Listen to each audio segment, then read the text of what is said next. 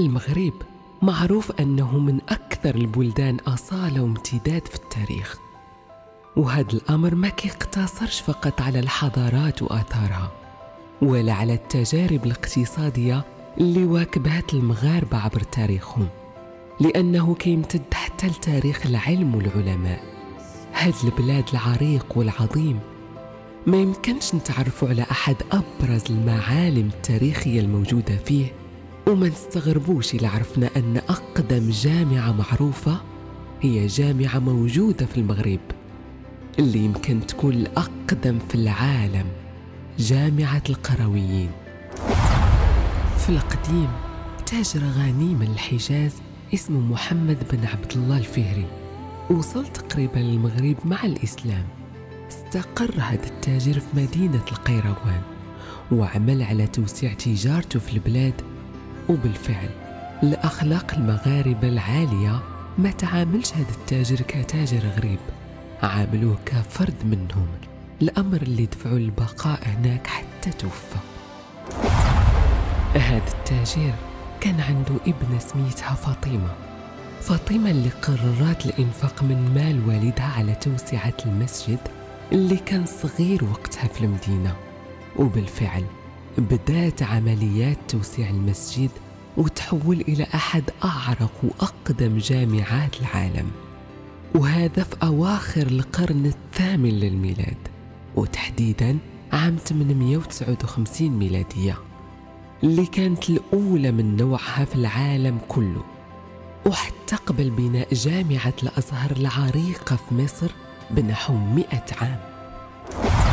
في البداية كانت مساحة هذه الجامعة صغيرة تقريبا 250 متر وكان شكلها مربع مثلها مثل المساجد الإسلامية المعروفة وقتها.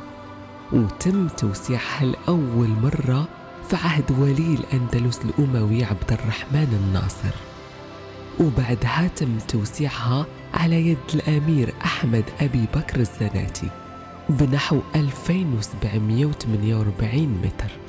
وخلال مجمع للفقهاء والعلماء المسلمين عام 1137 ميلادية تم الاتفاق على توسعة الجامعة وإصلاحها وأنهم يداوموا على صيانتها. ومن اللي وصلوا السعديين والوسطيين والأسرة العلوية الشريفة قاموا بتأتيتها وتزيينها وإنشاء النافورة الشهيرة اللي كتوسطها وصبحات اليوم مساحتها كتوصل ل 5845 متر. 17 الباب لدخول الجامعة. أهمها باب الشماعين وهو الباب الرئيسي. وكتمتاز هذه الجامعة بصباغتها الإسلامية.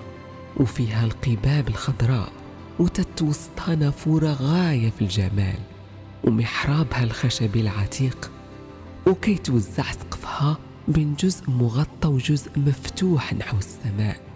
بفضل عناية حكام المغرب المتعاقبين الاختصاصات اللي تواجدات فيها متنوعة وغنية مثل الطب والفلسفة وعلوم الطبيعة والفلك والآداب. في البداية ما كانت شروط الالتحاق بهذه الجامعة صعبة. كانت مفتوحة للي كمل دراسته الابتدائية في البلاد وغيرها. وكانت المقررات حرة من اختيار المدرسين.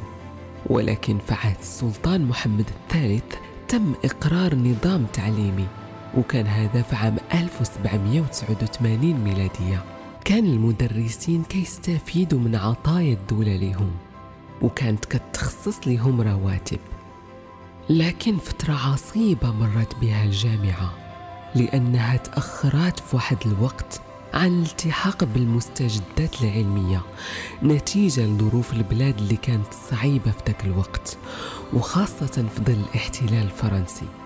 وعلى الرغم من ذلك خرجت هذه الجامعة العديد من الشخصيات البارزة اللي كان لها الدور السياسي والنضالي في تحقيق الاستقلال. هذه الجامعة ما كانتش فقط لأهل المغرب هذه الجامعة جمعت العديد من الطلاب من البلاد العربية والغربية. ومن أهم الشخصيات اللي مارست التدريس فيها هو العلامة ابن خلدون وابن باجة. ودرس في هذه الجامعة البابا سيلفستير الثاني وزارها عالم اللغة والنحو ابن أجروم اللي كتب كتابه المشهور في النحو واللغة العربية. هذه الجامعة ما زالت إلى اليوم.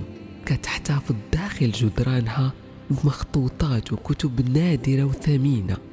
هي شواهد على عظمة أمة علات شأن العلم ونبذات الجهل.